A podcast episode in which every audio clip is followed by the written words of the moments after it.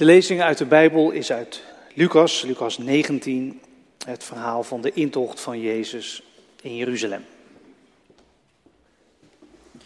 Lucas 19 vanaf vers 28. Na deze woorden trok Jezus verder op weg naar Jeruzalem. Toen hij Betfage en Betanië bij de Olijfberg naderde, stuurde hij twee van de leerlingen vooruit en zei tegen hen: Ga naar het dorp daar ginds. Daar zullen jullie een vastgebonden veulen vinden dat nog nooit door iemand bereden is. Maak het los en breng het hier. Als iemand jullie vraagt: Waarom maken jullie het los? moeten jullie antwoorden: De Heer heeft het nodig. De beide leerlingen gingen op weg en vonden het veulen, precies zoals Jezus had gezegd. Toen zij het dier losmaakten, vroegen de eigenaars hun: Waarom maken jullie het los? Ze antwoordden: De Heer heeft het nodig. Daarna brachten ze het veulen naar Jezus. Ze wierpen hun mantels over het dier en lieten Jezus erop zitten. Onderweg spreidden de leerlingen hun mantels voor hem op de weg uit. Toen hij op het punt stond de olijfberg af te dalen, begon de hele groep leerlingen vol vreugde en met luide stem God te prijzen, om alle wonderdaden die ze hadden gezien. Ze riepen, gezegend hij die komt als koning, in de naam van de Heer. Vrede in de hemel en eer aan de Allerhoogste. Enkele fariseeën in de menigte zeiden tegen Jezus, Meester, berisp uw leerlingen. Maar hij antwoordde, ik zeg u, als zij zouden zwijgen, dan zouden de stenen het uitschreeuwen. Toen hij Jeruzalem voor zich zag liggen, begon hij te huilen om de stad. Hij zei, had ook jij op deze dag maar geweten wat vrede kan brengen, maar dat blijft voor je verborgen, ook nu. Want er zal een tijd komen dat je vijanden belegeringswerken tegen je oprichten, je omsingelen en je van alle kanten insluiten. Ze zullen je met de grond gelijk maken en je kinderen verdelgen. En ze zullen geen steen op de andere laten, omdat je de tijd van Gods ontferming niet hebt herkend. Hij ging naar de tempel waar hij de handelaars begon weg te jagen met de woorden... Er staat geschreven, mijn huis moet een huis van gebed zijn, maar jullie hebben er een rovershol van gemaakt. Dagelijks gaf hij onderricht in de tempel. De hoge priesters, de schriftgeleerden en de leiders van het volk wilden hem uit de weg ruimen, maar ze wisten niet hoe ze dat moesten doen, want het hele volk hing aan zijn lippen. Dit is het woord van God. Broeders en zusters, gemeente van Christus. En in het bijzonder uh, jullie tienen hier op de voorste rij. Uh, daar zit je dan. Sommigen van jullie waren klein jaartje geleden in september uh, vast van plan om hier te hopen zitten, te gaan zitten. Anderen dachten hier niet te gaan zitten en zitten hier misschien tot hun eigen verbazing ook op de voorste rij. je zit er en vandaag ga je ja zeggen. En wij als gemeente staan daar juichend omheen, om het zo te zeggen. En uh, jullie gasten, ja, jullie zijn hier gekomen om, om het mee te maken. Uh, die bekende van jou, zus, broer, vriend, kind, die, die ja zegt. En ik weet niet of je gevraagd hebt waarom hij of zij dat doet. zou je eigenlijk nog even moeten doen vandaag of morgen, vind ik. Waarom zeg jij ja? Wat, wat zie jij nou in dat geloof? Als je het ze vraagt, ik, ik denk op de een of andere manier zullen ze toch iets vertellen over een drijf die er in hun leven is, is gekomen. En die op de een of andere manier te maken heeft met de figuur van Jezus. Jezus in wie zij God zelf menen tegen te komen. Jezus in wie God komt als koning. Ze hopen, geloven, vertrouwen erop dat God hem persoonlijk en ook de wereld tot zijn recht zal laten komen. Heelheid zal brengen in alles wat er mis is. En mis is gegaan en misgaat en wat je zelf misdoet. Zij halen, met andere woorden, zij halen Jezus binnen in hun leven. Omdat ze het idee hebben dat, dat Jezus hun bestaan heeft binnengehaald in zijn bestaan. En heeft aangeraakt, veranderd. Het kan zijn dat je, dat je zelf niet zo goed weet uh, wat je daarmee aan moet. Met dat geloof, dat ja van die bekende van jou. Met God, met de figuur van Jezus. En wat moet je met Jezus? En als je iemand bent die al heel lang gelooft en die wel een antwoord heeft op die vraag: wat moet je met Jezus? dan is zo'n beleidenisdienst altijd wel een hele mooie gelegenheid om, om jezelf dat nog eens even af te vragen. Ja. Wat zie ik eigenlijk in Jezus? waarom geloof ik? Geloof ik nog? Ga ik er nog voor? Wat, wat raakt mij dan? Bij Jezus kun je ook heel wat vragen stellen natuurlijk. Jezus roept heel verschillende reacties op, dat zie je ook in deze geschiedenis. Het is een, een bijbelgedeelte over een koninklijke intocht. Jezus die Jeruzalem wordt binnengehaald. Jeruzalem, het centrum, politiek, maar ook religieus. De heilige tempel van God staat daar in Jezus' dagen. En Jezus is heel bewust op weg naar Jeruzalem. Daar komt de ontknoping van zijn missie. Daar gaat het gebeuren. En de schrijver van dit Bijbelboek, Lucas, die doet zijn best om, om door de vermelding van allerlei details eh, duidelijk te maken dat, dat volgens hem Jezus de koning is, de koning van God. De koning die Gods redding aan mensen kon brengen. Hij, hij vermeldt allerlei dingen die daar een signaal van afgeven. Dat, dat veulen bijvoorbeeld, hè, waar hij zo uitgebreid over schrijft. Dat Jezus laat ophalen. Het is een verwijzing naar oeroude teksten van ver voor Jezus. Over een heerser die door alle volken erkend zal worden en die zijn ezel aan een wijnstok vastbindt.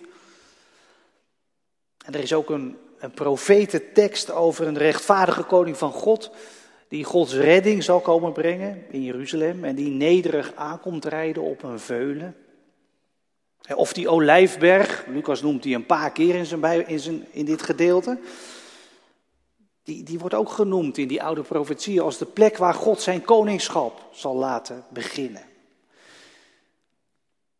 En, en al die teksten vol, vol koninklijke symboliek, blijkbaar sluit Jezus daar heel bewust bij aan door, door dat veulen op te halen, door, door daar de laatste kilometer van de reis naar Jeruzalem rijdend op af te leggen. Blijkbaar ziet Jezus zichzelf als de koning van God die redding kon brengen namens God. En ik zei al, de mensen, ze reageerden er heel verschillend op. Om te beginnen met zijn leerlingen, ja, die zijn, die zijn wild enthousiast en, en blij. En die leggen hun jassen op de straat als rode lopen voor Jezus. En ze zingen die oude psalm die wij ook zongen. Over hem die als koning komt in de naam van de Heer.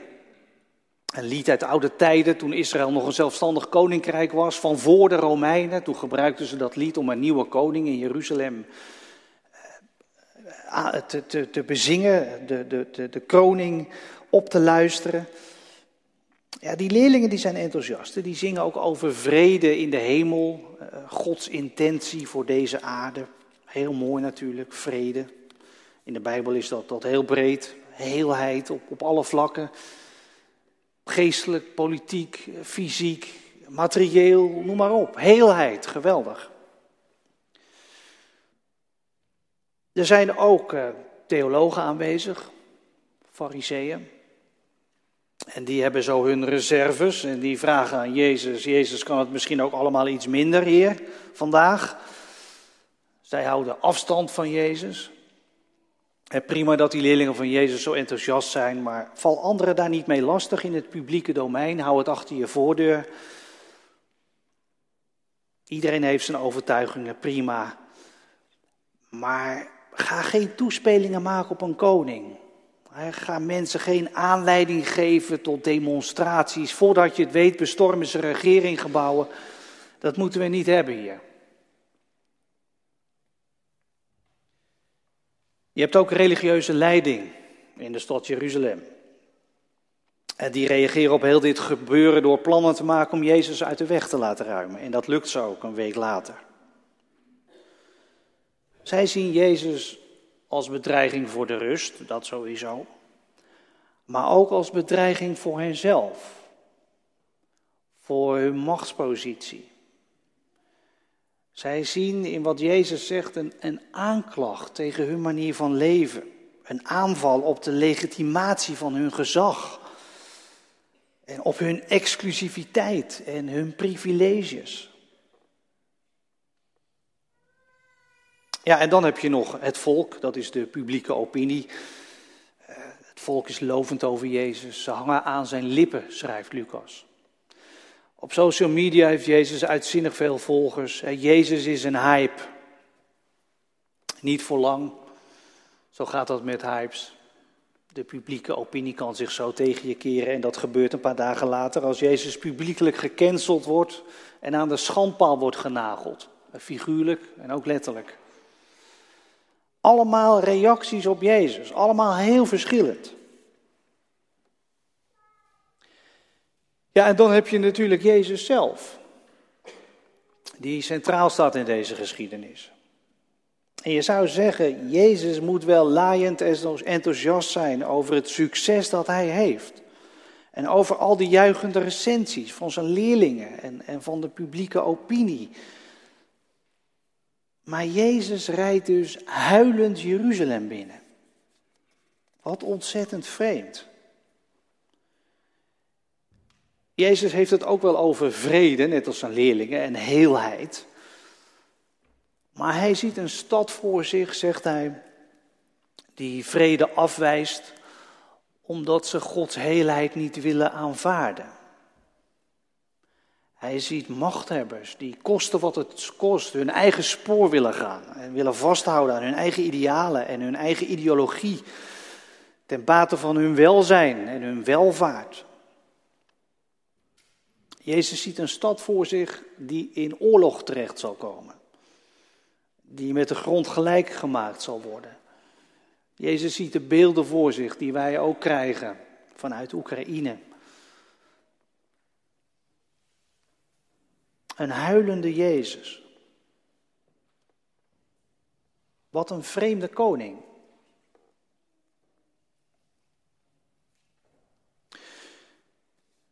Jezus staat centraal vandaag in deze dienst.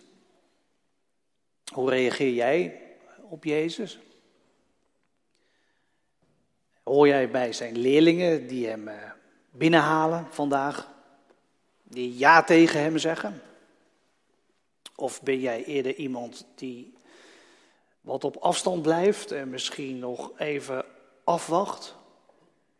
Of iemand die bewust afstand neemt, dat kan ook natuurlijk. Afstand nemen van Jezus. Ik wil je vanmorgen vragen om, om daar eens even goed naar Jezus te kijken. Wat is hij eigenlijk voor koning? En waarom huilt hij eigenlijk?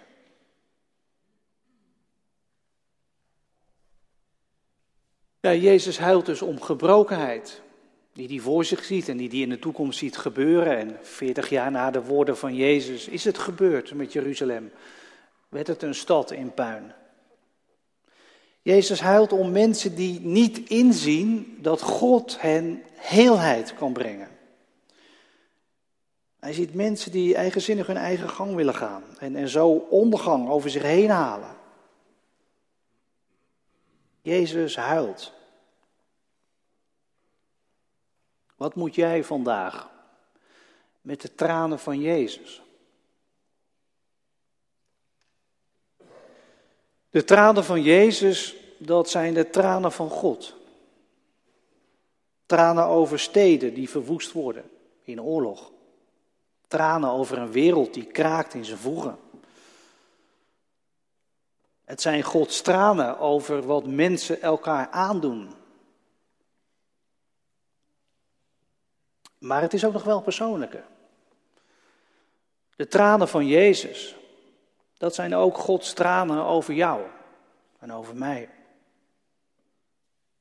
Tranen over gebrokenheid in jouw leven. Over wonden die je hebt opgelopen. Maar ook tranen over gebrokenheid die jij zelf veroorzaakt. Die jij wakker roept in je eigen leven. In de levens van mensen met wie je samenleeft. De tranen van Jezus, dat zijn de tranen van God. Het is God die in Jezus onze wereld komt binnenrijden op een veulen. Jezus, de huilende koning, die sterft aan een kruis veroordeeld vanwege de eigen belangen en de haat van de mensen. Een vreemde koning. Waarom zou je eigenlijk ja zeggen tegen deze koning in een beleidenisdienst? Waarom zou je doen en laten door hem moeten willen laten beïnvloeden? Waarom zou je geloven dat hij in jouw leven vandaag heelheid kan brengen?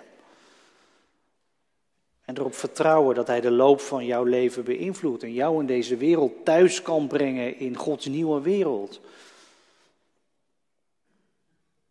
Nou ja, dat is dus de vraag die je vandaag of morgen nog een keer aan je bekende moet stellen, die die beleidenis doet vandaag. Maar als je het mij vraagt, ik, ik zou iets als dit zeggen. God, hoog verheven, het geheim achter alle dingen, schepper van, van alles wat bestaat, die zo ver gaat om levens van mensen binnen te komen en zich zo kwetsbaar maakt, die, die zoveel bewogenheid heeft en die huilt om jou en mij en zijn bestaan geeft, hangend aan een kruis. Weet je, dat raakt mij gewoon diep. Iedere keer weer. Het is zo kwetsbaar. En, en ook zo ongelooflijk krachtig. Want volgens de Bijbelverhalen heeft de haat en, en de gebrokenheid en het egoïsme en zelfs de dood deze koning en zijn liefde niet tot zwijgen kunnen brengen. Deze koning ging volgens de verhalen uit de Bijbel door de dood heen, door de haat heen. Wat geweldig als dat waar is, toch? En ja zeggen, wat zij hier vanmorgen doen, dat is dus erop vertrouwen dat dat waar is. Dat je in die vreemde koning met die tranen op zijn gezicht, die aan dat kruis hangt te sterven, God zelf tegenkomt. God die zelf jouw leven binnenkomt.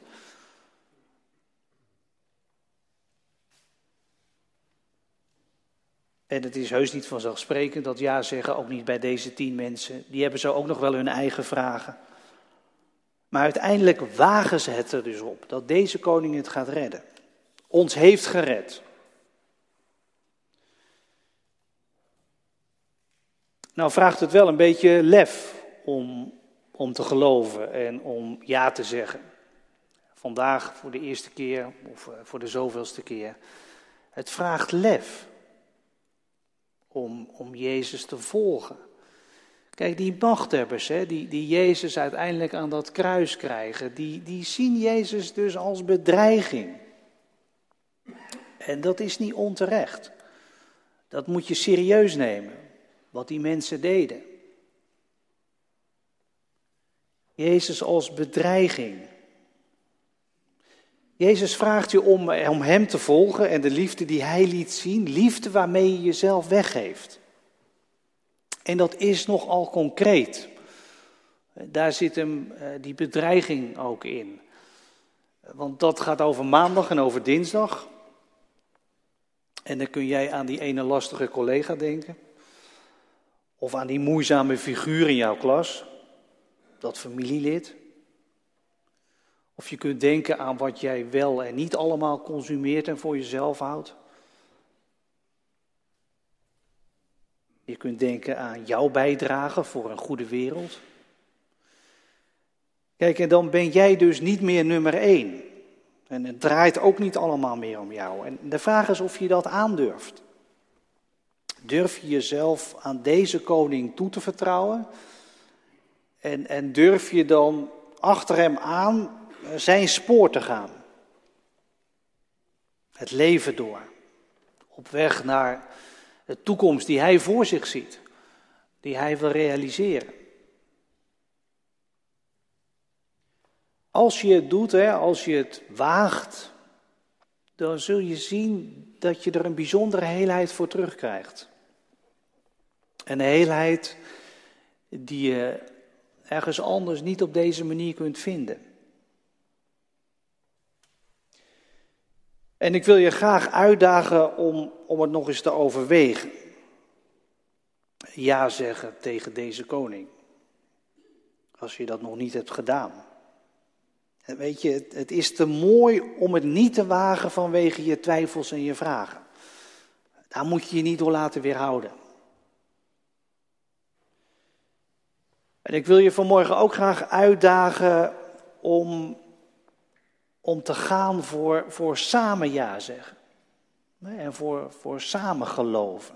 En om er eens werk van te maken om ergens echt mee te doen. Met een groep volgelingen van Jezus en je aan te sluiten. Want geloven, samen geloven, is te mooi om er afstand van te houden omdat je het zo druk hebt. Of omdat je aarzelt over je commitment. Het is te mooi. Want deze koning, deze liefde, deze vreugde, deze heelheid, dat is een reden om het te doen. Een reden om blij te zijn ook vandaag, om hoopvol in de wereld te staan. Alle reden om je niet in jezelf op te sluiten. Levend voor jezelf, gericht op jezelf. Alle reden om jezelf open te laten bloeien door de liefde van God. Open naar God toe, zoals een bloem zich opent in het zonlicht. Open naar God en open naar mensen. Hoopvol en vreugdevol. Deze koning is alle reden om vandaag ja te zeggen. Amen.